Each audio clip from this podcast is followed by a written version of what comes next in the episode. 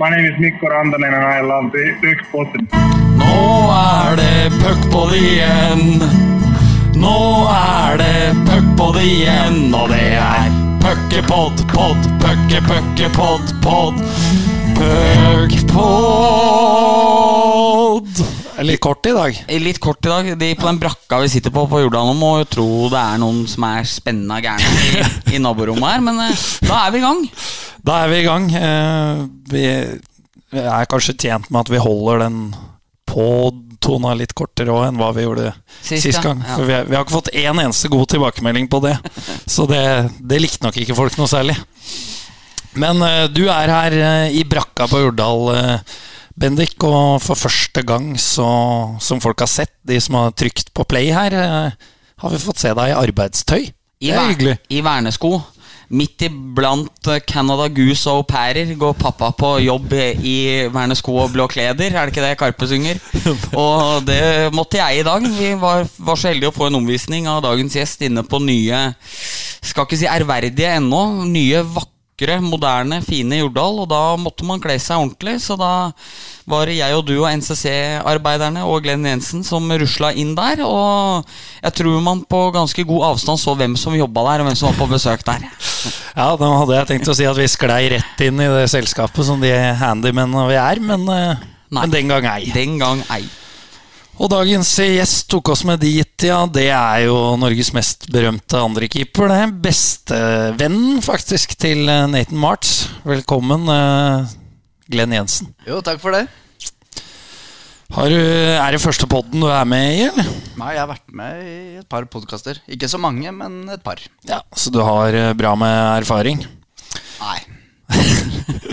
Vi starter jo ofte med en uh, liten story om, eh, om gjesten, og nå nevnte jeg Nathan March, uh, som uh, Glenn hadde et betent forhold til. Bendik, du, du har litt ekstrainfo uh, rundt det vi så på Iskrigerne der. Eh, ja, eller det som er at Jeg er litt usikker på hva som er sant og ikke, så vi kan få avkrefta og bekrefta en myte. Men i hvert fall høsten 2013-2014 så spilte Storhamar på Jordal her. Det var NISO-messe på kvelden med sånn dere skulle på skjenk og moro etterpå. Jeg tror det var cupfinale samme dagen, eller det var jo, for det er jo den NISO-dagen, selvfølgelig. Eh, Rosenborg fikk juling av Molde. Jeg kom hit fem minutter for seint. Da lå Suramar allerede under 3-0.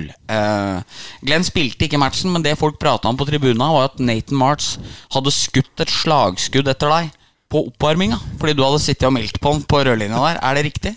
Ja, det stemmer bra, det. Og du har ikke på deg maske, du satt og tøya, og så plutselig fikk du et slagskudd i skuldra. Er det korrekt? Nei, han traff meg ikke. Han traff deg ikke, nei. Han skjøt bare etter meg. Ja, hvor, hvordan øh, gikk det der videre?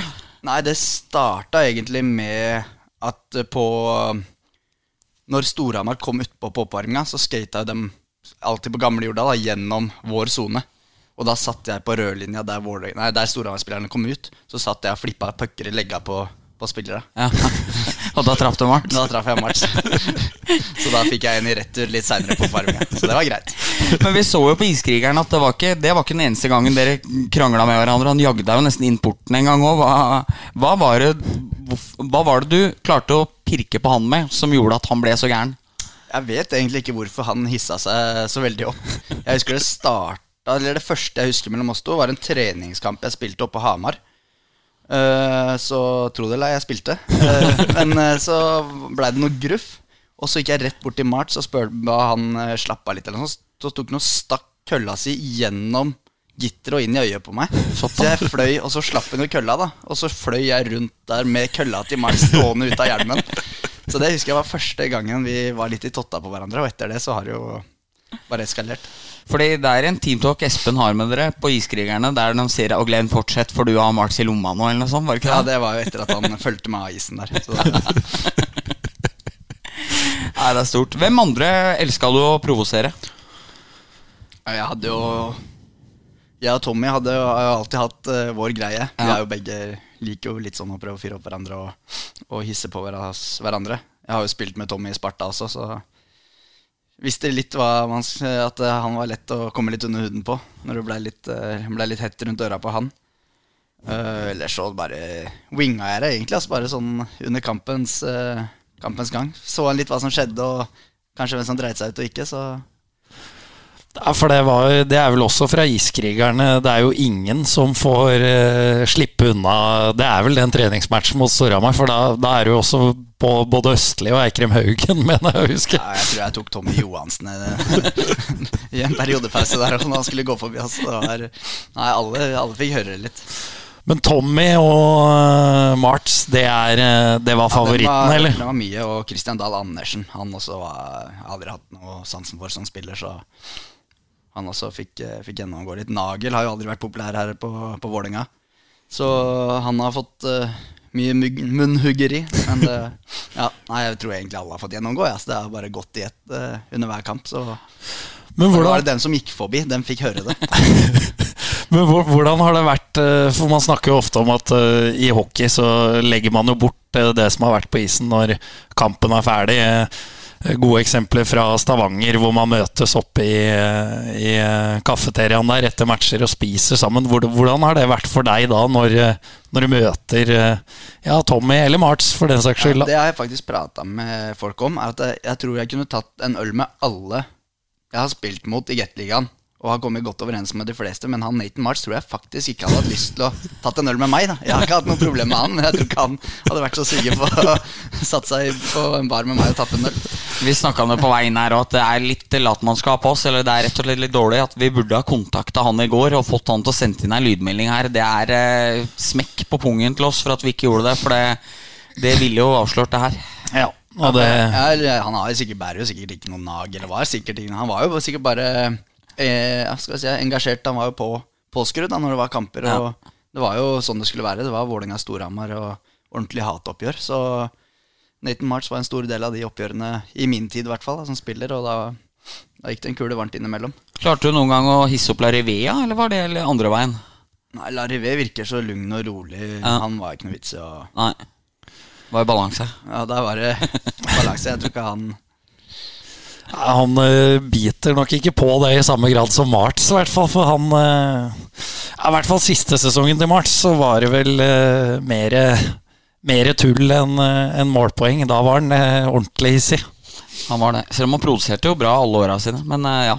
Nei, det var herlig. Nei, han herlig var, en var god spiller. Ja. Absolutt. Det var, og derfor en, ekstra viktig da å komme litt under huden, Ja. så han ikke var så god mot oss.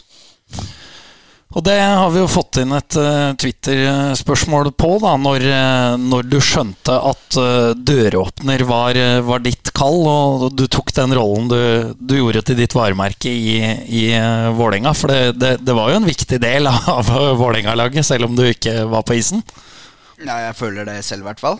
Vi hadde jo Det var vel når jeg Etter at jeg var i Sparta, så bestemte jeg meg for å dra hjem. Det var vel egentlig at jeg fikk sparken i Sparta. Det var, eh, Jeg kom på morgentreninga der, og så sto, lå utstyret mitt i en søppelsekk eh, parkeringsplassen. Hvorfor det? Nei, jeg skulle passe på førstekeeperen. Phil O'Share. Det var en kul historie, faktisk. Vi kan jo ta den mens vi Ja, sitter gjør det, gjør det. Det passer, det. Uh, det var, vi hadde spilt lørdagskamp og vunnet. Og så skulle vi ikke spille før eh, Så hadde vi en uke pause, tror jeg det var. Skulle ikke spille før neste lørdag, eller om det var torsdag. Og så spør uh, Phil O'Share, som var førstekeeper da, han uh, ber meg ta med til Oslo og vise han litt uh, kveldstimer i Oslo. For det var frivillig trening på søndag. Uh, og så sier jeg ja, selvfølgelig, skal jeg passe på deg, jeg. Så jeg og Phil og to andre drar til Oslo og drar på byen. Og så er jo ikke vi på frivillige treninger på søndag. Men da mente Sjur Robert Nilsen at jeg som andrekeeper burde skjønne at det ikke var frivillig for, for andrekeeper. Så da når jeg kom på mandag, da, så lå utstyret mitt i en søppelsekk på parkeringsplassen. Så da, Og da var det over. ja, da tok jeg og flytta hjem igjen til Oslo. Og fikk ny kontrakt i Vålerenga, så det, det løste seg jo ganske bra. Men det, morsom historie. Ja, den er fin, den. Da har du snakka med Sjur Robert i etterkant av dette? jeg og Sjur krasja nok ganske Vi har jo- traff hverandre ikke så bra som spiller og trener. Jeg tror ikke min østkant Oslo-tilnærming, hvor alt ordner seg og litt på hæren, var eh, helt i hans uh, tråd. Men uh, jeg og Sjur eh, har god tone, vi. Altså, det er ikke noe, ikke noe sure miner der. Ja, for eh, du snakker jo om den østkantholdninga med at eh, ting eh, ordner seg. Og Det er jo et inntrykk man har hatt av organisasjonen uh, Vålerenga gjennom uh, mange år. Og ble vel kanskje ikke så mye bedre av uh, Iskrigerne-serien. At uh, folk beholdt det inntrykket at ting blir, blir tatt på hælen. Nå er du en del av organisasjonen uh, sjæl. Hvordan, hvordan er det nå? Nei, det er jo selvfølgelig Det er jo det er veldig annerledes, tror jeg. Det har vel aldri vært drevet så profesjonelt i Vålerenga ishockey som det er nå. Uh, vi, har, uh, vi, har, kontroll på alt, og, og det er jo sånn det skal være. Det var jo Jeg var jo med Jeg satt i organisasjonen da vi gikk over til å faktisk gi spillerne lønnsslipper. Det var Og da, i, i god Vålerenga-ånd, så var det spillere som aldri hadde sett en lunsjslipp før, og lurte på om de skyldte klubben penger, eller hva dette var for noe. Så det, nei, det, det, drives veldig bra i Vålerenga nå. Og, og, det er ikke noe hvordan det var før. Det er ikke noe Det er jo på godt og vondt, for det ble jo drevet med hjertet. Det var jo det det gikk på, at eh, man skulle vinne for enhver pris, og koste hva det koste ville, egentlig. Om det var ja, å ta litt snarveier her og der for at uh, Vålerenga skulle vinne, så var det det som måtte til. Og, og, og det klarte de òg. De vant jo i huet og ræva. Så det, det var ikke noe Nei, de, de, gjorde det de gjorde med hjertet. Så det var ikke noe mer enn det, egentlig. Jeg mener det var Bjørn Kløvstad, gamle Coop-generalen fra, fra, Toten, eller hvor han er fra. Han bor i Hamar, men har alltid vært inne veldig mye i Vålinga Som sa i en HA-sak i forbindelse med sluttspill i 2000 eller 2001 at det var første året Vålinga hadde budsjett. da skjønner du. Budsjettet før var tabellen. Hvordan lå vi an på tabellen? Det styrte styrte kostnadssida. Så det, nei, nå, nå, drives det veldig bra her. Så fått inn en ny daglig leder i Jon Tore Torstensen. Så ekstremt dyktig og, og sånne ting. Så det, det er bra. Og det er jo gode nyheter for norsk hockey, er det ikke det, Bendik? Det må jeg si. Det er, eh, det er jo gøy med Stavanger, og det er eh, gøy med Frisk Asker. Eller det er ikke så Det er litt gøy med Frisk Asker. Det er gøy med Stavanger, men eh, vi trenger virkelig Vålinga i toppen her. Og ligge i brakk i flere år nå. Merker det litt på Hamar-folk og sånne ting òg. At det er litt nye fiender og sånne ting akkurat nå. At det blusser alltid veldig opp igjen i møtene med Vålinga, men dessverre har Vålinga vært bitte litt ikke helt der man håper. Nå blir det smell igjen. Det er eh, fantastisk. Ja, Selv om er det bare jeg som husker at vi vant serien i fjor? Ja, jeg skulle, til å, jeg skulle, til å, skulle til å, si noe, men Jeg vet ikke hvor ofte man vinner serien nå på Hamar der, men det er tydeligvis hvert år. Ja, de, eh, når de vant i 17-18, så var vel det første seriegull siden 05-06. Ja, det ble feira en uke òg. Ja, vi feirer ikke seriegull i Vålerenga, men uh, Det så ut som dere hadde gjort det i fjor. Ja, det, det kom en kollaps i i sluttspillet der.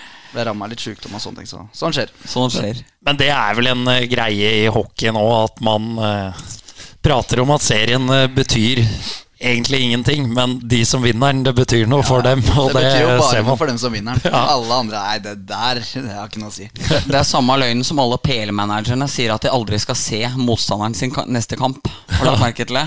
Guardiola Nei, jeg vet ikke om jeg skal se Liverpool i helga, liksom, når du får spørsmål og sånne ting. Det er bare tull. Det er klart du skal det når du får flere millioner for å trene et ja. lag og, og forberede til match. Den er opplagt, den. Det er eh, riktig, men da er vi jo inne på uh, Storhamar-Vålerenga, og det, det, er jo uh, norsk hockeys store klassiker, det, Glenn. Kan du sette litt ord på ditt forhold til Storhamar og, og de oppgjøra, for så vidt? Nei, så det er jo som du sier, det er jo det store klassiske oppgjøret i norsk hockey. Det er jo ingen, ingen andre derbyer som kan måle seg med, med Vålerenga-Storhamar. Vålerenga merker jo at det er jo mange klubber som, som vil at vi skal liksom være erkefienden deres. Sånn som Stavanger prøver og Frisk prøver, og, men vi bryr oss ikke. Det er jo oppgjørene mot Storhamar som, som, betyr noe.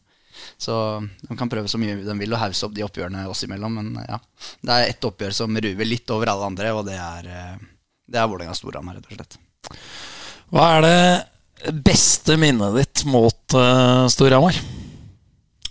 Beste minne mot Storhamar må være da Folle Folle avgjør semifinalen. Uh, vi leder jo Vi har jo egentlig full kontroll på semifinaliserien. Leder 3-0 i kamper. Skal bare opp på Hamar og sikre finaleplassen, egentlig. Uh, taper vi 1-0. Nei, det er kamp seks. Ja. Det er kamp 6, ja. Okay. Joakim Jensen. Men jeg tror uh, taper 2-1, kanskje. Ja, jeg tror det var. Ja, det, det er Pål Johnsen som avgjør 18 ja. sekunder før slutt. eller noe. Ja, Så vi leder i hvert fall 3-0 i kamper, og det, det her var lettere enn noen gang, egentlig. Og skulle, så blir det 3-3 kamper, og det blir kamp 7 på Jordal, som er jo noe for seg selv, det òg. Fullsatt Jordal mot Storhamar. Og Folle av eh, fyra en lompe fra blå der som er, er så vidt den kom fram til mål, tror jeg. Og går inn under armen på Tommy, så det var, det var et herlig, herlig øyeblikk mot Storhamar. Jeg husker jo Vi snakka om det når det ble 3-1 i kamper, at uh, dette er jo klassisk Vålerenga. Sikker på at Hvis du går tilbake i historien, så er det mistenkelig ofte blitt kamp fem på Jordal av økonomiske hensyn. Så, så var jo det alle tenkte. Uh, men uh, så blei det jo litt mer spennende. Ja, vi trengte en kamp sju òg. Ja. ja, det er iskaldt. Ja, det var Nei, så det er jo, Men selvfølgelig, det er jo noe spesielt. Eh, oppgjørene mellom Vålinga og Storhamar. De, de er morsomme. Og det som er kult òg, er jo uansett hvordan lag hvert, eh, ser ut på papiret, da, uansett hvordan lagene ser ut på papiret, så er de to kampene lever sitt eget liv. eh, uansett om Storhamar skulle ha et tilsvarende mye bedre lag eller dårligere lag enn Vålerenga, så, så er det noe spesielt med de to kampene som gjør at de alltid blir, blir jevne. Jeg er ikke sikker på om du var med, Eriksen, men uh, må, må dvele litt ved den kamp sju. For det var en helt uh, fryktelig opplevelse for, uh, for undertegnede. Vi var på avslutningstur i Selen med Furuset. Og når det blei kamp sju der og Vi hadde jo ikke nett på hytta, så jeg i panikk Var du med? Nei. For øvrig? Nei. I panikk da på dagtid begynner å gå litt rundt med telefon og sjekke om det er nett på noen andre nabohytter. Det er det jo, så jeg banker på og spør om det er mulig å få låne nettet da, til å streame kveldens eh, kamp. Og, og det fikk jeg lov til, men eh, jeg måtte være stille fordi de skulle ha noe sånn parmiddag oppe i, eh, oppe i hovedetasjen. Og jeg fikk da lov å sitte i, i kjelleren. Og en fin dag med afterski og det hele, og så da ned på hytta der. Og der satt jeg aleine og så Vålerenga-Storhamar med en flaske tyrkisk pepper. Den er sterk. og da, når det da begynte å butte litt i, i tredje periode der, og man skjønte at dette her eh, Det går faktisk ikke, så så gjaldt ikke det påbudet om å være stille lenger for uh, undertegnede. Endte faktisk med at jeg ble kasta ut av den hytta da, fra, av de, de para som hadde latt meg sitte der. Så det var en, uh, var en dårlig opplevelse, rett og slett. Hele greia. Ja. Gikk ikke som det skulle. Nei. Ja. Får jeg en liten um, hva, hva, For å skyte inn, jeg er jo en ørliten sånn hytteopplevelse i Trysil et år.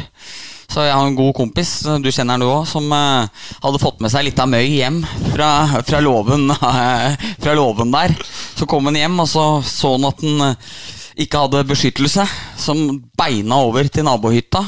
Der satt det full jentegjeng. Syns det her var veldig komisk at eh, kom og spurte om det han spurte om. Det var jo egentlig gutter som bodde der. Fikk beskjed om at han fikk med seg litt beskyttelse mot at han styrta to øl. Tok to øl på rappen og beina over tilbake til gards. En, eh, litt annen historie. Ja, men, eh, men den er jo relevant. Det er jo apropos hytteliv, så, Så hadde han på seg hockeydrakt den dagen han var i Trysil òg, så den er relevant til hockeypoden vår. Ja, veldig bra, Bendik. Takk, takk. Veldig bra. Uh, Storhamar-Vålerenga, ja. Eh, så var det det verste minnet, da. Nei, det må vel være et av tapene, da. Hvis det er mot Storhamar, så er det aldri kult å tape. Det er de tapene som sitter litt ekstra. Så er jo i Vålerenga så bryr vi oss egentlig ikke om noen andre. Det er jo litt den eh, kulturen i Vålerenga. Vi alle ser opp til oss og skulle ønske de var en del av oss og var oss, men vi bryr oss ikke om noen andre. Så, men jeg skal ærlig innrømme at eh, når man taper mot Storhamar, så, så svir det litt, eh, sitter litt ekstra. Da. Og da, når vi er inne på tap som svir, da. Eh, Vålerenga har jo en eh, liten historikk mot eh, Kongsvinger, og der, der har vi fått inn et, eh, et Twitter-spørsmål. De tapa de, de kom såpass eh, som lyn fra klar himmel at eh, spørsmålet lyder som følger Hvor mye tjente Vålerenga hockey på, på å ryke mot Kongsvinger? Ja, Der er det én person jeg kjenner veldig godt som har tjent penger på, og det er Frank Dahlstrøm. Han fikk jeg bare tommel opp etter kampen, for han hadde satt eh, 2000 kroner på at Kongsvinger skulle vinne. Så han er eneste jeg kjenner som eh, har tjent penger på de kampene der. Men det var, det var, en, eh, det var en tøff, eh, tøff opplevelse for deg, eller i den, Ja, jo- eh, spesielt den siste kampen? Ja. eh, Det var jo Din- bare den jeg tapte òg. Så det var jo Jeg tapte én kamp jeg starta for Vålinga sånn de tre siste årene, eller noe sånt, og det var den siste. Så utenom det så hadde jeg vunnet alle kampene jeg hadde fått spille. Så det var jo det var kjipt, da, med tanke på at det var jo egentlig en tøff sesong i utgangspunktet for Vålerenga. Og så skulle jeg legge opp, da. Det var jo kjipt i seg selv, det å, tape 2-0 mot Kongsvinger. Oppå det hele, så var det jo bare toppen av kransekaka her. Ja, så det var døvt, men eh, det er som det er. Man taper og vinner, og sånn er det. Eh, Bendik, vi kom på på tur eh, innover her. Eh, Vi kom litt inn på Iskrigerne igjen. Vi lurer på den scena der du og Brede er og leverer en sofa til Kjær. Om det, om det var reelt, eller var- det staged? Nei, nei, vi dro ned og leverte sofaen til Kjær. Vi var drittlei at den sto på kontoret her, så vi bestemte oss for å dra ned og, og gi den til den. Så nei, det var reelt. Og hvordan gikk det? Nei, du, den er det faktisk en som kom og henta. Kjær la ut på Twitter at det var en sofa En legendarisk sofa, tror jeg han er jo selger, han Kjær. Så det var tidenes sofa. Var uh, gis bort mot henting. Så var det en, eh, en uh, Vålerenga Vålerenga-punch-fyr som driver et selskap som eh, som dro og henta den. Så han har den da på kontoret sitt uh, oppi gata. For det er så vakker klippejobb òg når han sier Eller når dere sier at det er jo legendesofa fra kontoret og sånne ting, så kommer det sånn tilbakeklipp når dere lurer Folle og alt mulig. Liksom. Det, er, Ja, det ja. har skjedd mye rart i den sofaen her. Altså. Ja, vi hadde jo alltid sånn derre Hvis du gikk fra kontoret til Kjær og hadde skrevet under på noe, så hadde du blitt lurt. Ja. Det var, han tapte aldri. Så du kunne være så fornøyd du bare ville når du gikk ut derfra. Men hadde du skrevet under på noe, så hadde du blitt lurt på et eller annet. Det var bombesikkert.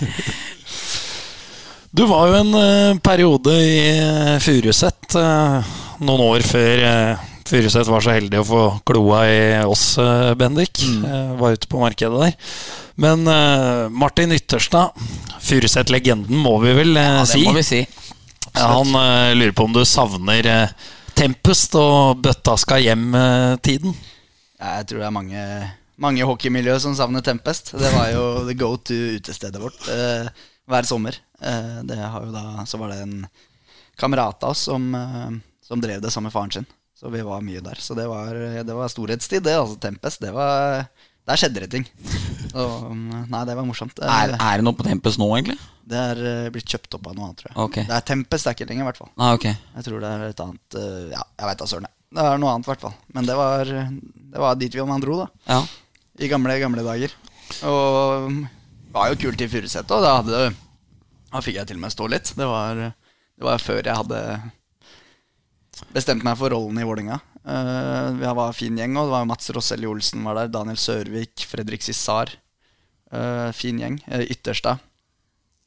Så det var, men det var jo ekstremt mye rot og økonomisk trøbbel, så laget gikk jo konkurs to to måneder, tror jeg, un, ut, i, ut i serien. Så vi mista jo alt og alle av spillere. Så det var jo bare en gjeng unggutter igjen. Ja, for det runda vel eh, av eh, sesongen med i praksis uh, Furuset 2 som ja. i, i Gateligaen, da, som, eh, og Furuset 2 lå midt på tabellen i førstedivisjon, så det var vel naturlig at det ble en tøff andre halvdel. Ja, det var det. Det var det. Det var eh, Hadde jo egentlig ikke noe i Gateligaen å gjøre etter hvert, det, det laget vi stilte. Men eh, det er jo mange, mange derfra som ble gode hockeyspillere senere. Som Rossell Olsen og Daniel Sørvik. Fredrik Cæsar hadde bra karriere, så Nei, det var tøff, eh, tøft å stå i det, men eh, Nei, det kom noe godt ut av det også. Det var bra. Og vi rykka jo rett ned, da, hvis noen lurte på det. Det var, Jeg mener- har aldri kommet opp igjen. Jeg mener å huske 9-1 i kvaliken mot uh, Manglerud. Ja, det kan nok stemme, det. Det, det husker jeg ikke, men Det er, det er tøffe tall mot et førstediv-lag, det. ja, vi var ikke i nærheten, i hvert fall. Men når vi er inne på førstedivisjon, da. eh, Vi har jo spilt mot deg når du vokta buret for uh, Vålerenga 2. Og der kom eh, Bendik med en helt uh, fantastisk fun fact på turen innover, og det skal du få lov å si uh, sjæl. Dette er Shayan Sahedis favoritthistorie, vår uh, gode venn, som uh, Vi spilte mot dere i 09-10. Da sto du for Vålerenga 2. Vi hadde tapt nesten alle matcha, som vi gjorde hvert år. Vi tapte 5-4 den kampen på Hamar. Marius Mattisrud skåra tre for oss. Jeg skårte én. Kom inn over blå, skulle bare legge pucken på, for jeg ble stått opp av en bekk. Legger pucken på et lafsete håndleddskudd. Ser at det ser ut som du har kontroll. Plutselig så har du ikke det. Jeg dunk ligger rett ut, og så feirer guttene over meg. Så jeg sputta på deg sist gang vi spilte mot hverandre. Ja, ja, Det er sånn du husker skuddet. Jeg husker det som kanon rett i krysset. jeg. Så, jeg har dekka tre mann der. Det var, kom et slagskudd som eh, lukta svidd av. Det er kanskje et tegn på at han ikke har scora så mye mål når du husker det i 09. Det. Nei, det, nei det, ja, jeg har hatt mange tabber opp igjennom. Jeg. Det, det skjer. det skjer Så jeg veit ikke om det var en tabbe eller ikke. Sikkert ikke. Nei, jeg pleier å skylde på Bekka. jeg, så-. Ja, du blei dekka han som skulle ta meg, vet du. Nei, det, Problemet med din versjon av historien Glenn, det er jo det at øh, den inneholder knallhardt slagskudd fra Bendik. For det, er noe jeg har, det har vi ikke sett mange ganger. Så så du sier det var tabbe? jeg heller litt mot at det Bendik kanskje har rett her, ja. Også, Ja, det kan nok godt være. Jeg hadde mye tabber. Men dere vant matchen som er- folk flest gjorde mot Storhamar 2. Ja. Ja, jeg har en eh, til om mot Vålinga Vålerenga 2. Det var året før. Da var det ikke da Jeg tror ikke det var Glenn som sto, men da var det mm, Da spilte vi, vi leda. eh, det, for det var litt morsomt. eh, Da var det han Torgeir Kjersem. Hvis du har sett han i dag er, Du kødder ikke med han, for han er diger som en bjørn. Altså han, han tror jeg tar 400 kilo i benkpress. Han skulle vende opp i rundvantet når vi spilte mot dem. Jeg takla han i det han vendte opp, sånn at han endte jo med å stupe inn i vantet. Ellers hadde aldri jeg fått han i isen. Jeg ser opp, da kommer det en som heter Jørgen Tiller i 200 km der. Joachim Tiller. Joachim Tiller i 200 km og begynner å denge løs meg. Jeg er liksom i skilpadde og prøver å holde meg oppe.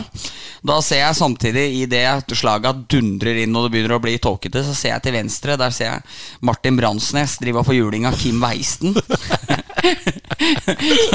så, så i det jeg liksom sitter på knærne og ser opp, og til slutt blir han revet unna meg, så ser jeg Bransnes og ligger liksom som Jesus på korset med han sittende oppå seg, og blir jo mata videre, og dommerne gjør ingenting. Og så går jeg først til utvisningsboksen, mens Bransnes og Weisten går rett av. Og så må jeg over isen nå. Det er alltid litt sånn verdig øyeblikk når du har fått matchstraff. Når det liksom rusler over isen fra sekretariatet der.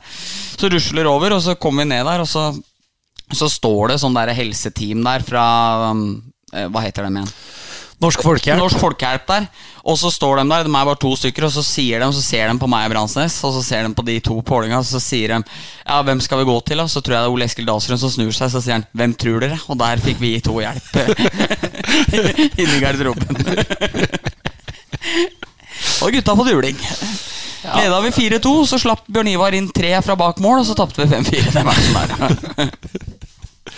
Ja, det pleier liksom å ordne seg når eh, Biffen vokta buret for Ja, Sil 2. du slapp å vinne. Det var veldig ålreit. Det var, eh, det var godt å få inn før vi gikk til Furuset, for det ble jo en del tap der òg. Yes. Da hadde vi kulturen på plass. Det er viktig. Det er, det er eh, viktig. En liten avsporing.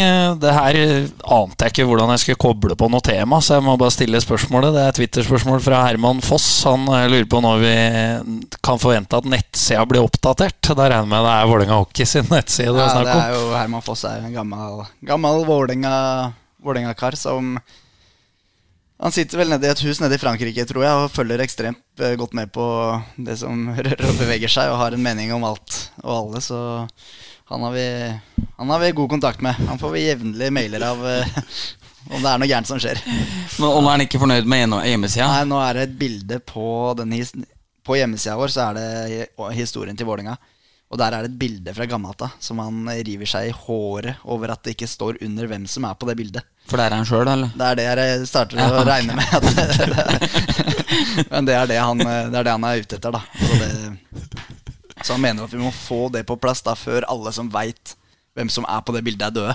Ja. Så vi må vi ja, få Ja. det på plass, og det er det han savner. Så det er på to do-lista di Det har vært på to do-lista mi i fem år siden han Herman Foss starta å sende meg meldinger. Det kommer, Herman. Det kommer. Det er bra. Litt uh, tilbake til uh, eh, karrieren din. Ja. Eh, vet ikke om du fikk med deg, det var jo en eh, sånn emergency goal i NHL eh, her Ja, for ja, noen ja. dager siden. David Ayers eh, hørte vi kommentatorene uttale navnet, så da, da går vi for det. Eh, spørsmålet er enkelt og greit om var du bedre enn det han er? Nei, Han har spilt i NHL, så det, det tviler jeg sterkt på. Men han har kjørt, i Sam- han har kjørt Zamboni i 22 år òg. Han har Ja. ikke stått veldig mye, tror jeg. Nei, Han spilte i noe junior A eller junior B okay. i, eh, i USA eller Canada, så han eh, Han får den. ja, Han er bedre får- enn deg. Ja, garantert. og nå har han spilt i NHL òg, så det, han gjorde det bra. Vant han ikke 6-3 mot eh, Toronto Maple Leafs? Jo. Har ikke det på CV-en, jeg. Nei. Ja, 0-2 mot Kongsvinger.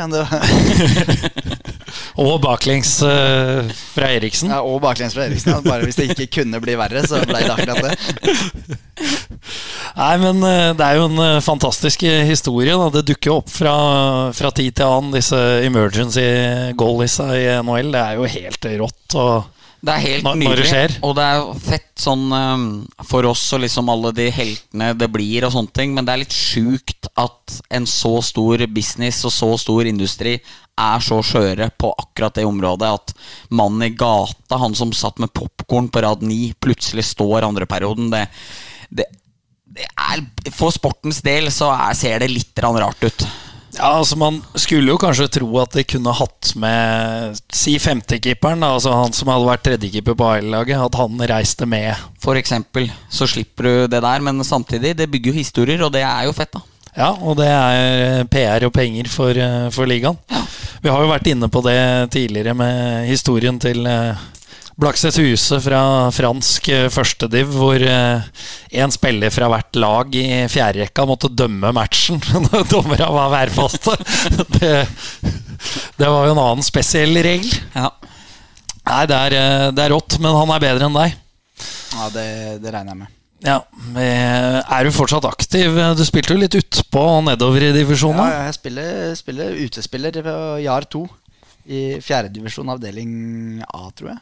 Så det er aktiv. Blir det noen goaler, da? Ja, jeg, jeg tror jeg er topp to. eh, Jeg spiller med Knut Henrik Spets da, i rekka Ja, hans. det er fordel. Ja, Så jeg står på bakre, og så holder jeg kølla i isen, og så dytter dem inn. Kan det bli aktuelt å ta steget opp eh, til tredjediv eh, avdeling A og møte de glade gutter neste sesong? Nei, vi, jeg tror ikke vi, vi leder Vi leder avdelinga vår nå, men vi har et par kamper mer spilt enn Bøler og Kongsberg. Så de kommer nok til å ta oss igjen, dessverre. Ellers så hadde det vært en mulighet for opprykk. Ja, det er trist, eh, Bendik. Ja, det er trist, faktisk. Det er eh, Knut Henrik Spets. eh, han tror jeg hadde feia de fleste på laget vårt av isen nå. Ja, han hadde nok eh, klart seg greit, han, og også et eh, nivå høyere. Hvorfor spiller han eh, tredjedivisjon, egentlig? Ga seg jo bare plutselig. Han er i fjerde, mener jeg. Nei, er, det er for det sosiale, da. Vi er en fin gjeng, og, og det er vel Han ble jo rekruttert av uh, teammanageren vår, Erik Mortvedt. En av to i rappduoen Erik og Chris. Som har vært, eh, han har vært en del med på Zuccarello All-Star Games og fått helt hockeydilla. Så han starta JAR 2.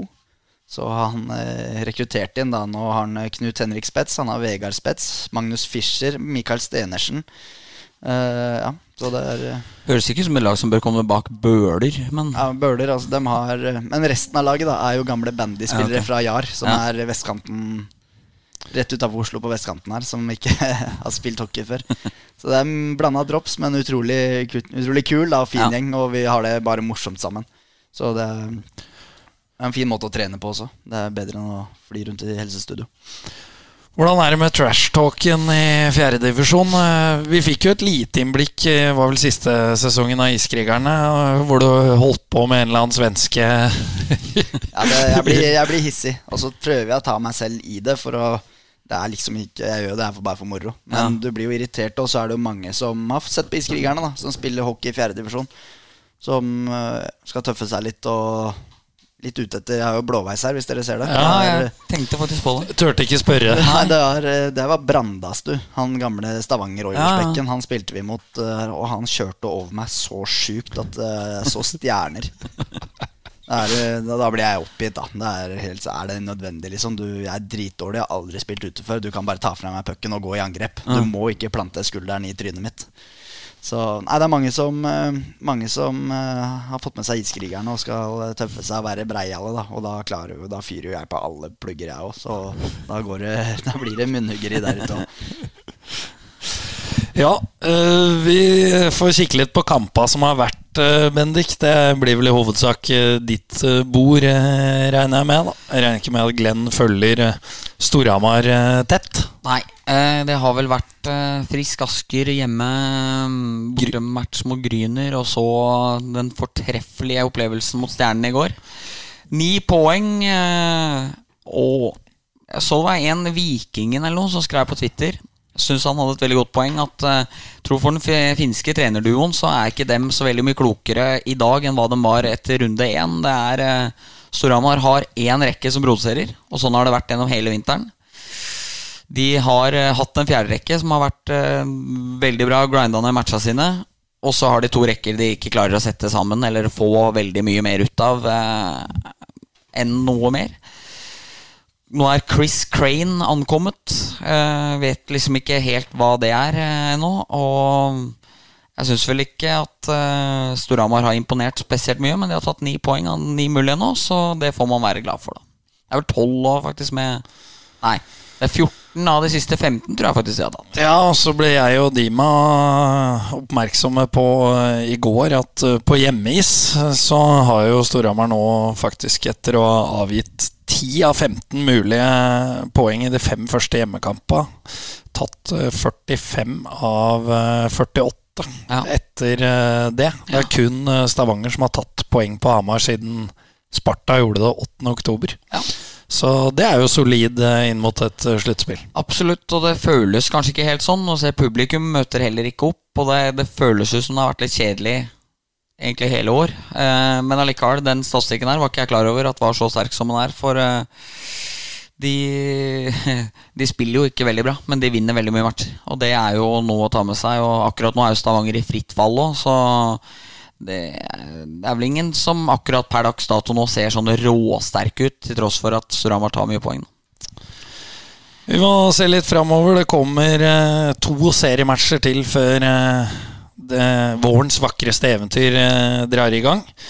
Og da er jo eh, Vålerenga nå eh, først eh, opp, da. Det er jo en eh, veldig viktig match for eh, Vålerenga, Glenn. Ja, absolutt. Det er en må-vinne-kamp for oss. Eh, vi jakter på tredjeplassen og er ett poeng bak Lillehammer. Og Lillehammer skal møte Frisk Asker i neste runde, så vi må, vi må vinne våre to siste skal vi ha sjanse til å ta, ta tredjeplassen. Og det er jo en medalje vi har veldig lyst på. Og viktig eh, Da kan man jo også få velge motstander uh, sjæl. Ja, det handler jo litt mer om det enn enn den medaljen. Den bronsen er det ikke så mange som bryr seg om. Men det er det jo at man får, da får velge kvartfinalemotstander, da. Og da eh, mest sannsynlig får en lettere vei til eh, semifinalen enn om man kommer på fjerdeplass. Eller femteplass. Og da tenker jeg at vi ikke går så mye inn på den Sparta-matchen, eh, Bendik. For den har ingen verdens ting å, å si for, for Storhamar. Og har mest sannsynlig lite å si for Sparta òg, for de har fem poeng ned til Stjernen. Ja. Så det kan være avgjort da at de blir nummer seks.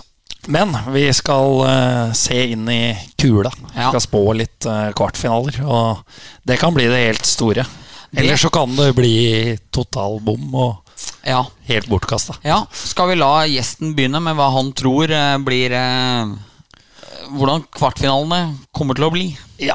Ja, det er jo litt morsomt nå, da, for det er jo både femte, fjerde og tredjeplassen er ikke satt. Eller niende og åttendeplassen er jo heller ikke satt. Det blir jo spennende å se hvem som kommer til sluttspill av Narvik og Manglerud Nå ser det vel ut som NHL Stars eh, kommer til eh, Kommer til sluttspill. Og da tror jeg jo Stavanger eh, Jeg tror de tar Manglerud Og så tror jeg det blir Storhamar eh.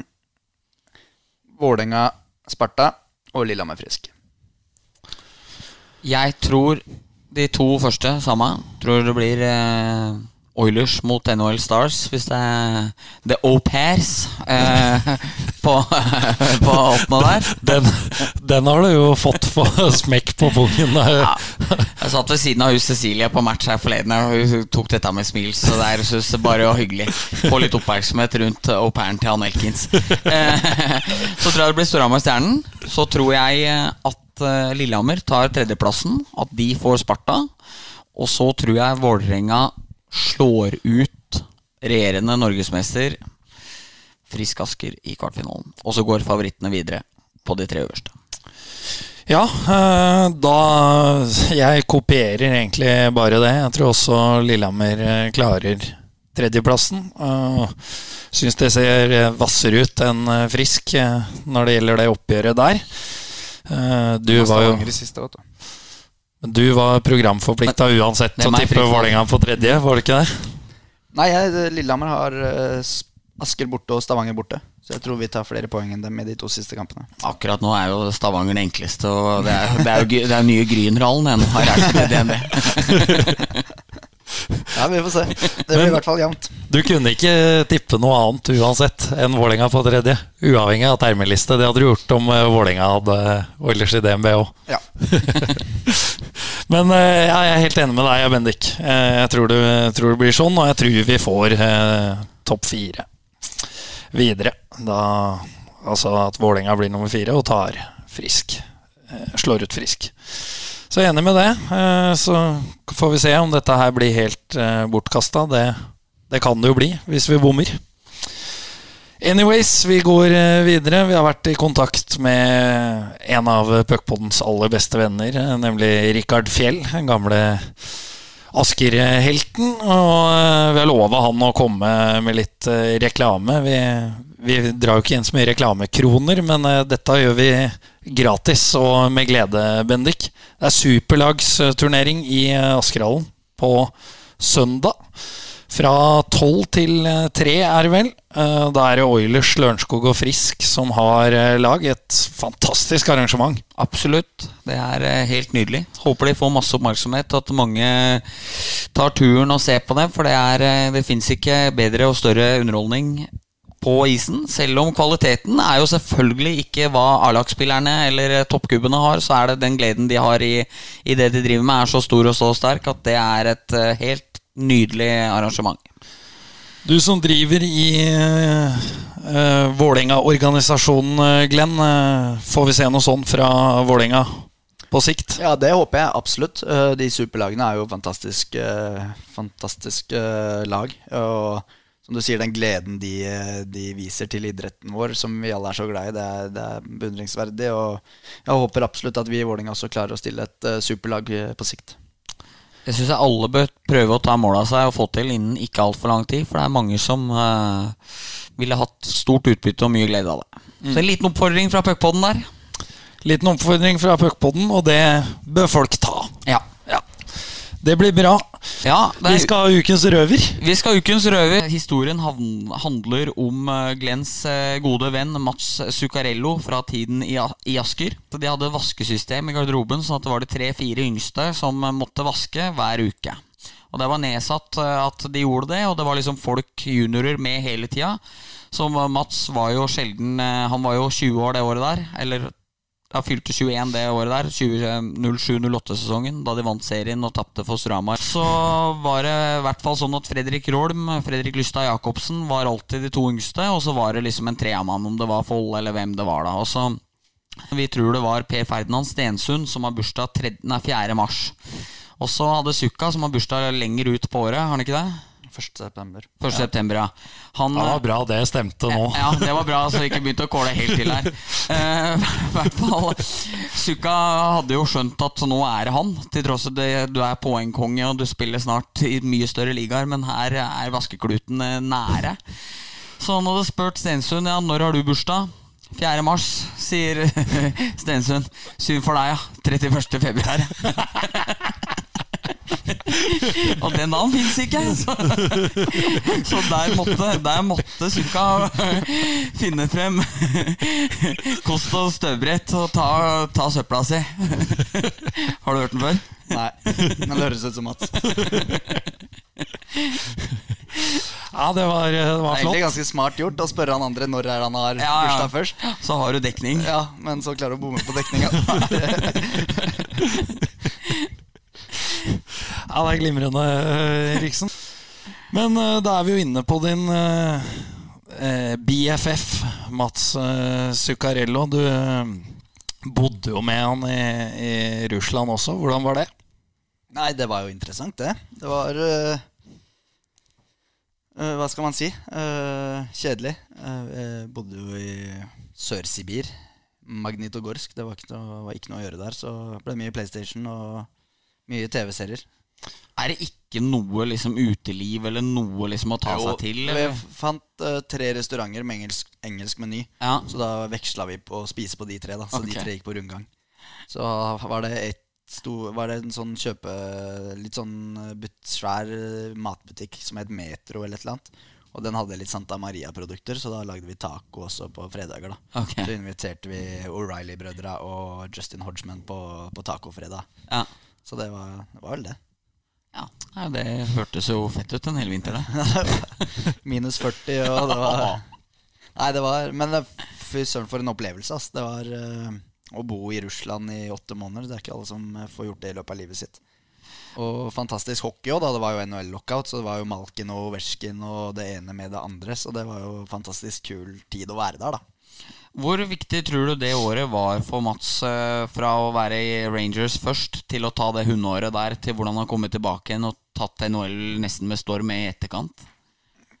Nei, det, det veit jeg ikke helt, men det er jo mm, på mange måter der han kanskje skjønte litt mer hva, hvor mye arbeid som måtte legges ned. Han hadde jo Paul Maurice og Tom Barrasso som trenere. Paul Maurice er jo nå trener i Winnipeg, og de hadde jo som mål da at Mats skal få deg tilbake til NHL. Hvis det, det er målet vårt, liksom.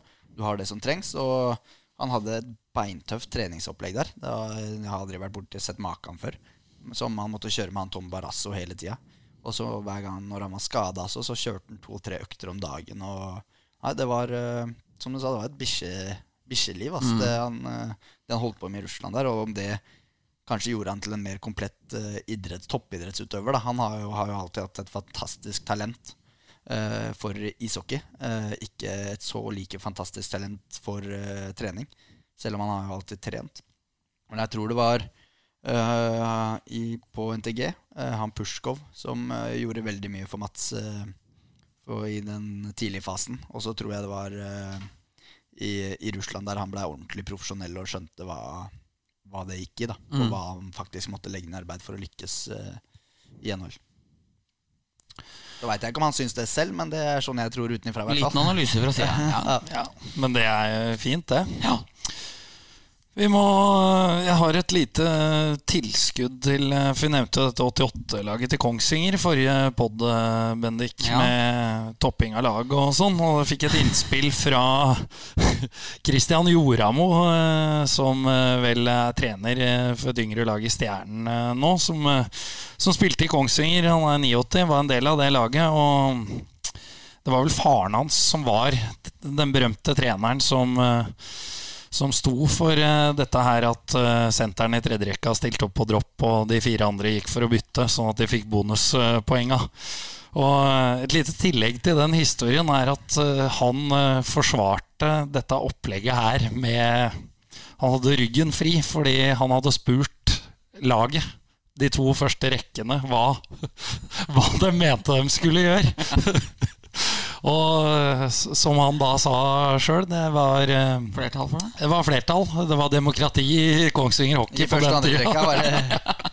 det Så han hadde ti, ti stemmer for at uh, tredjerekka bare senteren tok droppen, og de fire andre bytta med en gang. Var ikke han eh, Nå skal ikke denne podden her handle om Joramo-familien, men det er litt fint øh, innskudd. da, Men var ikke han styreleder da han heller ville ha Morgan Andersen på nesten 50 år? Gamle NISO-sjefen, hvis du husker han Jonobi Michele-reven der. Han var i Stjerna, var han ikke? Jo, var- stjerna. han ville heller ha Morgan Andersen til å gjøre comeback enn å bruke juniorer når de hadde full backrise på A-laget. mener jeg husker. Så han, Morgan Sa han det? Ja, ja, han Morgan spilte med kassehjelm, sånn 94-hjelm. Dette var på 2010 eller noe. altså. Sønnen til Morgan spilte på A-laget. Ja, det, det er jo litt av en uttalelse. Ja. Men eh, ja, det var fint eh, i hvert fall. Eh, En annen ting som jeg har blitt påpekt. Gryner de har jo hatt en tøff sesong. Men Jonas Paulsen, vår tidligere lagkamerat i Storhamar 2, han, eh, han eh, kommenterer jo litt på sumo når det mangler folk. Han har kommentert to matcher i, i Grünerhallen i år. Hjemme mot eh, Frisk Asker, 6-3-seier. Og hjemme mot Stavanger Oilers, 4-3-seier. Så det, det er jo Grüners lykkemann. Eh, hadde jeg vært eh, sjef i Grüner, så hadde hevdet folk av, av kommentatorbyrået for fått han inn. Hadde jeg vært sjef i Storhamar, så hadde jeg bytta ut deg og Dima òg, hører. Hvis det er sånn lykkekommentator på hjemmelaget, så er det jo å få inn han, da. Ja, jeg er med på den, hvis du ser bort ifra det jeg fortalte om hjemmestatistikken til Storhamar, da. Ja. Ja. Så er den Så, nok. så er den okay. kanskje grei, med 45 av de siste 48 Ja, poengene hjemme. Det er greit, det. Så den, eh, den får du Du får ikke helt meg med på den. Ok. Bendik, du elsker jo å snakke om dommere. Det har sikkert krangla mye med dommere, du Jeg òg, Glenn. snakke med dommere. Jeg, jeg har bare et eh, spørsmål om eh, For det, vi har jo en icing-regel i, i hockeyen. Ja.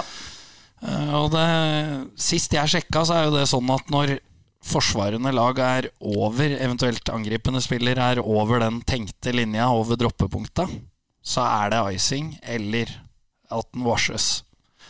Hvorfor blåses det da av som i gamle dager, når et lag pumper unna en icing når de leder med én? Da blir det blåst icing med en gang, har du lagt merke til det? Ja, da kanskje. Er ikke, det, er ikke de sekundene ganske viktige for det laget som pumper den icingen? Men er det sånn uh, Veit du at eh, At må, må, må eh, angripende lag hjem i egen sone for at det skal være icing? Eller er det bare det at de skal se an når det er kamp om pucken, så skal de bruke den tenkte linja? Eh, Når regelen kom, så var det i hvert fall sånn at Bekka måtte gå det de hadde over hjem. Den, over Ja. den linja? Eh, Ja. Da var regelen sånn. Ja. Uh, arrester meg gjerne hvis den ikke er sånn Nei, lenger. Da har jeg fått jeg svar på lata som jeg kan dem i alle år. jeg. Men uh, du er enig? Ja. Det er viktig, for vi, Grunnen til jeg kom på det, var at vi opplevde det sjøl i en bortematch mot Jutul, hvor vi leda med ett og slo icinger hvor det ble blåst med en gang. Ja. Og som jeg da prøvde å si til linjedommeren, det er ti sekunder igjen.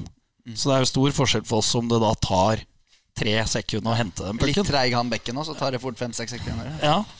Så Nei, det eneste jeg kan tenke da, er at det faktisk ikke bekken må over den linja. Men det er hvis det er kamp om pucken, så skal dommerne bruke den linja for å se om den skal la spillet gå eller ikke. Ja, kanskje det er sånn. Vi har jo fått, det er hyggelig at vi har fått inn en som tar dommerne litt i forsvar og kommer med potensielle vrier på reglene. Ja. Er det ikke det, Bendik? Jo, jo. Det- Så får vi høre med han Siampini. Han kan reglene. Ja, det Jeg er på hugget i dag, altså. du, er, du er på hugget i dag. Eh, Det var jo for øvrig fantastisk. Patrick Thoresen tok jo for seg litt kommentatorduoen eh, mine kollegaer i, i Stjernehallen. Helgesen og Valstrøm? Eh, Nei, eh, Valberg. Valberg. Eh, Men i hvert fall de to har kritisert uh, dommerne en eh, del på sumo, og det hadde Geir Thomas Olsen eh, sett seg lei av, så han ga dem tilbud om å dømme sjettedivisjonsmatch uh, mellom Borg og Ringerike 2 i Sparta Amfi i går, og det stilte gutta på. Det syns jeg er ærlig gjort av, Ja, det er stort. av boysa, faktisk. Ja, dommere er, det er jo fantastisk eh, Hva skal man kalle det? Det er jo utakknemlig yrke. Ja. Det er jo må jo være helt jævlig å være dommer, egentlig. Så kanskje vi skal roe litt på dommera og heller konsentrere oss om hockeyen og la dem dømme. Så da tror jeg egentlig alle er tjent med det. Altså. Ja, og ikke fokusere så mye på hvor dårlig disse dommerne er. Nei, det er jo en uh... Er de egentlig så dårlige som vi mener, eller er Eller så bare holder de samme stil som resten av eller hva? Jeg tror nok egentlig det. Det er det, det spørs om det kanskje er tilfellet, det, ja. Så jeg er litt enig. Vi må jo ha dommere hvis det skal bli matcher. Ja, ja. Og dem, det, fy søren, jeg kjenner meg seg. Jeg har skriket så mye til de dommerne. Å, fytti rakkeren. Det, ja, det er utakknemlig jobb, ass. Dem, dem får mye dritt og, og Men ja, stiller opp match etter match. Det er, det er helt sjukt at de gidder, men eh, de gjør det. Og de, de elsker sikkert sporten like mye som oss. Så nei, jeg tror vi skal være litt mer takknemlige for at vi har dem, enn eh, å bare skape huet av dem. tusen takk, eh, dommere, sier vi da. tusen takk. Det- For at, dere er, for at dere er de dere er. Når det er sagt, da, så gjør vi jo mye. Det kan tåle litt kommentarer og en førstereaksjon, f.eks. Det Det kan være litt, mer, ja, litt bedre spilleforståelse. Ja. Det går an, det. Vi, eh, nå er vi jo i gang med å skryte av folk, så da kan vi jo fortsette. Vi går til faste spalter. Vi, vi starter eh, som eh, du gjorde nå, Glenn. Starter med å være litt hyggelig mot folk, og så avslutter vi- med å være negative etterpå og dele ut litt kaktuser. Så Bendik, du kan få starte med å skryte av eh, noen. du. Jeg vil skryte av Thomas Wiig. Eh, Beck-legende i Nidaros. Har vel sikkert vært med i Nidaros og Rosenborg og Trondheim Flyers og Trondheim Wings og Astor. Og Astor og Leangen Falcons og Altså, de, de går jo konkurs hvert tre år, så de har jo het i 100 forskjellige ting. Men han har vært der hele veien. Eh, en kontinuitetsbærer. Jeg kjenner han som de gangene vi har spilt mot dem, som en litt sånn snill, stor bamse med godt håndleddskudd og trygg med pucken.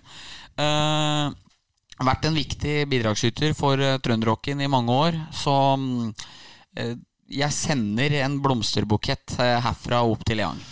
Ja, og den eh, kan jeg slenge meg eh, på. Eh, for de som husker noen podder eh, tilbake, så eh, Husker ikke hvem som var gjest da, men eh, fortalte jo en historie hvor jeg ble jagd av isen i, i Leangen av en illsint Beck-kjempe Det på Rosenborg. Det var Thomas Wiig. Så Takk for at du oppdro meg og jagde meg av isen i levingen, Og takk for et fantastisk bidrag til uh, trønderrocken. Er ikke det et verdig Jo. punktum, Bendik? Absolutt. Glenn, er det noen du har lyst til å skryte litt av uh, denne uka? Nei, egentlig ikke. Uka har akkurat starta, så det er ingen som fortjener noe enda. Men, Ja, ta eh, forrige uke, da. Nei, da, da må det jo være Jeg syns uh, Vålerenga ishockey har hatt, eh, hatt, uh, hatt en bra uke. De uh, har eh, los på tredjeplassen tross en tøff, eh, veldig tøff eh, høstsesong.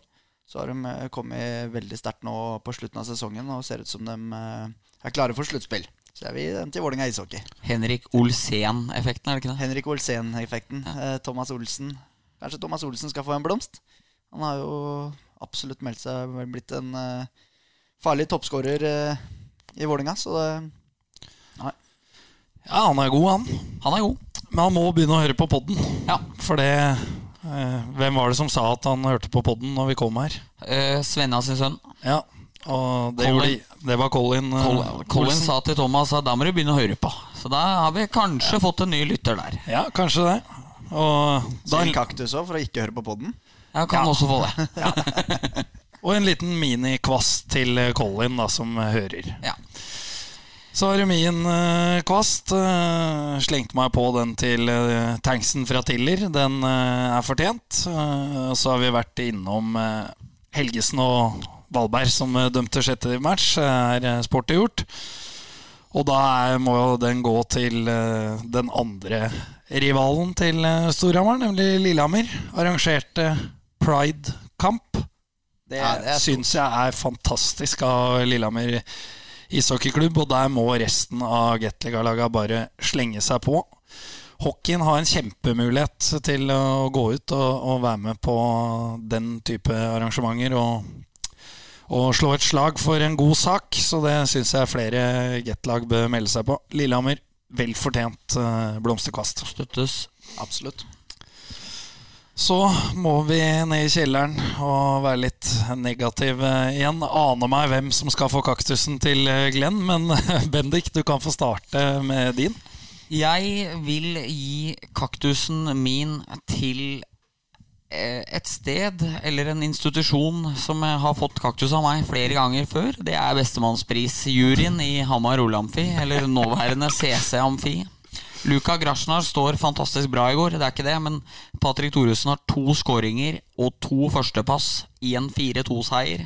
Men fordi han er Patrick Thoresen, fordi han er ligaens overlegent beste spiller, så er lista for han litt høyere enn for andre. Tenk å ha fire av fire målpoeng, to goller, to førstepass, og ikke få BB. Det, er, det skal egentlig litt til. Da er det noen som ikke har vært på jobb Ja, også. det er noen som ikke har vært på jobb. Og her forleden, Edvardsen hadde to goller, og Kamranesi var blank, og han fikk den i stedet. Så hvis babyen BB-en eh, har lyst, så kan de sette kamera opp på meg på en match. Og så kan jeg gi nummeret med fingre ned, ned, ned på kuben, så skal de få riktig eh, BB.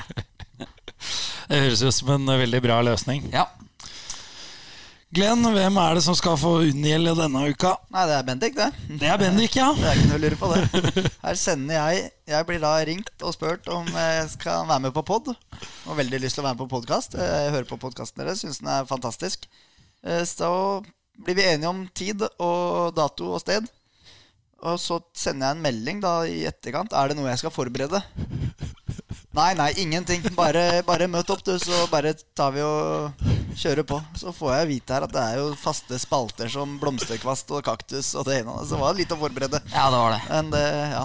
Så det Ja, men jeg, det er vel til mitt forsvar, da. Jeg er, jeg er bookingansvarlig, og jeg styrer og ordner, og det er for mye Det er for mange baller å holde i lufta. Jeg, det, det, egga går i gulvet. Dessverre. Men du klager jo ofte til meg avsending av sending òg på at eh, du, du har for mye oppgaver tilknytta podden. Ja, jeg har det. Stiller meg litt uforstående, for det, det er jeg som må sette opp opplegget her, alt med lyd og greier. Det er jeg som må redigere podden og lage en ferdig fil til deg som du får legge ut. Og jeg er bare på oppdrag. Ja. Du er fast ansatt i Hamar Arbeiderblad. Ja. Men nå må ikke det her bli sånn indre bane, sånn der interngreier, for det er, det er ikke noe moro. Nei, men, uh, Men jeg, men jeg er helt enig. Jeg, er, eh, det er bra. Jeg, jeg dunker til og tar den der, for det, det, det Du skulle vært litt bedre forberedt, og det er min skyld. Jeg kunne vært det. Jeg er fla- flaks for deg, så jeg er god til å prate. Ja, det er ingen fare. Det visste vi. Utdanna pratemaker fra Vålerenga college. Så det, Den, eh, den hadde vi kontroll på, det var vi klare over. Eh, Min eh, kaktus da, det jeg håper han ikke blir sur på meg, da, men eh, det blir han sikkert ikke, for han er en glad gutt. Men Martin Rønhild Jeg vet, og jeg skjønner, at det ikke er meninga å dytte lillebroren inn i vantet bakfra i gårsdagens kamp. Det, det skjønner alle. Men han må slutte å gå i full fart og, og sette seg i den type situasjoner. Da. For nå har eh, Rønhild en historikk med karantener. Var det 15 matcher han har sona for taklinger, eh, Bendik? Jeg tror det. Han fikk fem på Bengsberg, fikk vel fem på Kåsastul i fjor, som var litt lik, og så fem igjen nå på Morley. Så når han potensielt har sona en fem til ni kamper, eller hva det blir nå, så har han snart sona en halv sesong på ett og et halvt år. Det er for meget for en så viktig og god spiller. Ja, det er det jeg tenker også. eh, Det, det må du slutte med, Martin. Du må ikke slutte å takle, for det er morsomt å se på. Men eh, kanskje bremse litt da når du jager folk tre meter unna vantet eh, som har ryggen til deg. Det er nå min mening. Da er vi vel nesten ved veis ende. Vi skal bare reklamere litt for oss sjøl. Nå blir det ny pod hver eneste uke, blir ikke det, Bendik? Jo, nå kjører vi ut sesongen nå, så blir det i uka. Så nå er det mandag eller tirsdag. Kommer an på om Storhamar spiller mandag eller tirsdag. Hvis det spiller mandag, så blir det tirsdag, og motsatt. Så nå banker vi på, så håper vi på fem stjerner på iTunes og på iPad-greia. Og så må dere bare spre ordet om denne er jo litt inhabil, men denne fantastiske podden. Ja, jeg må bare si jeg er imponert over den åpningsvinnetten, for jeg trodde faktisk at det var en lydfil. Men dere Nei, nei. sitter faktisk her og synger. Det syns jeg var sjukt. Ja, det, det var så flaut foran Øystein Olsen, for han ble rar, liksom. Ja, han var ikke imponert. Ja, det var, jeg trodde det faktisk var en innspilt lydfil dere hadde, men dere, dere satt faktisk her og sang. Det var sjukt. Ja, det, var, det går framover. Før var det live gitarspill, Ja. men nå har vi i hvert fall instrumental. Ja. Det er veldig bra. Takk for at vi fikk komme, Glenn. Jo, takk for at dere ville komme, og takk for at jeg fikk, eh, fikk være med. Veldig hyggelig. Så er vi på gjenhør om eh, en liten uke. Det er vi. Adjø. Adjø.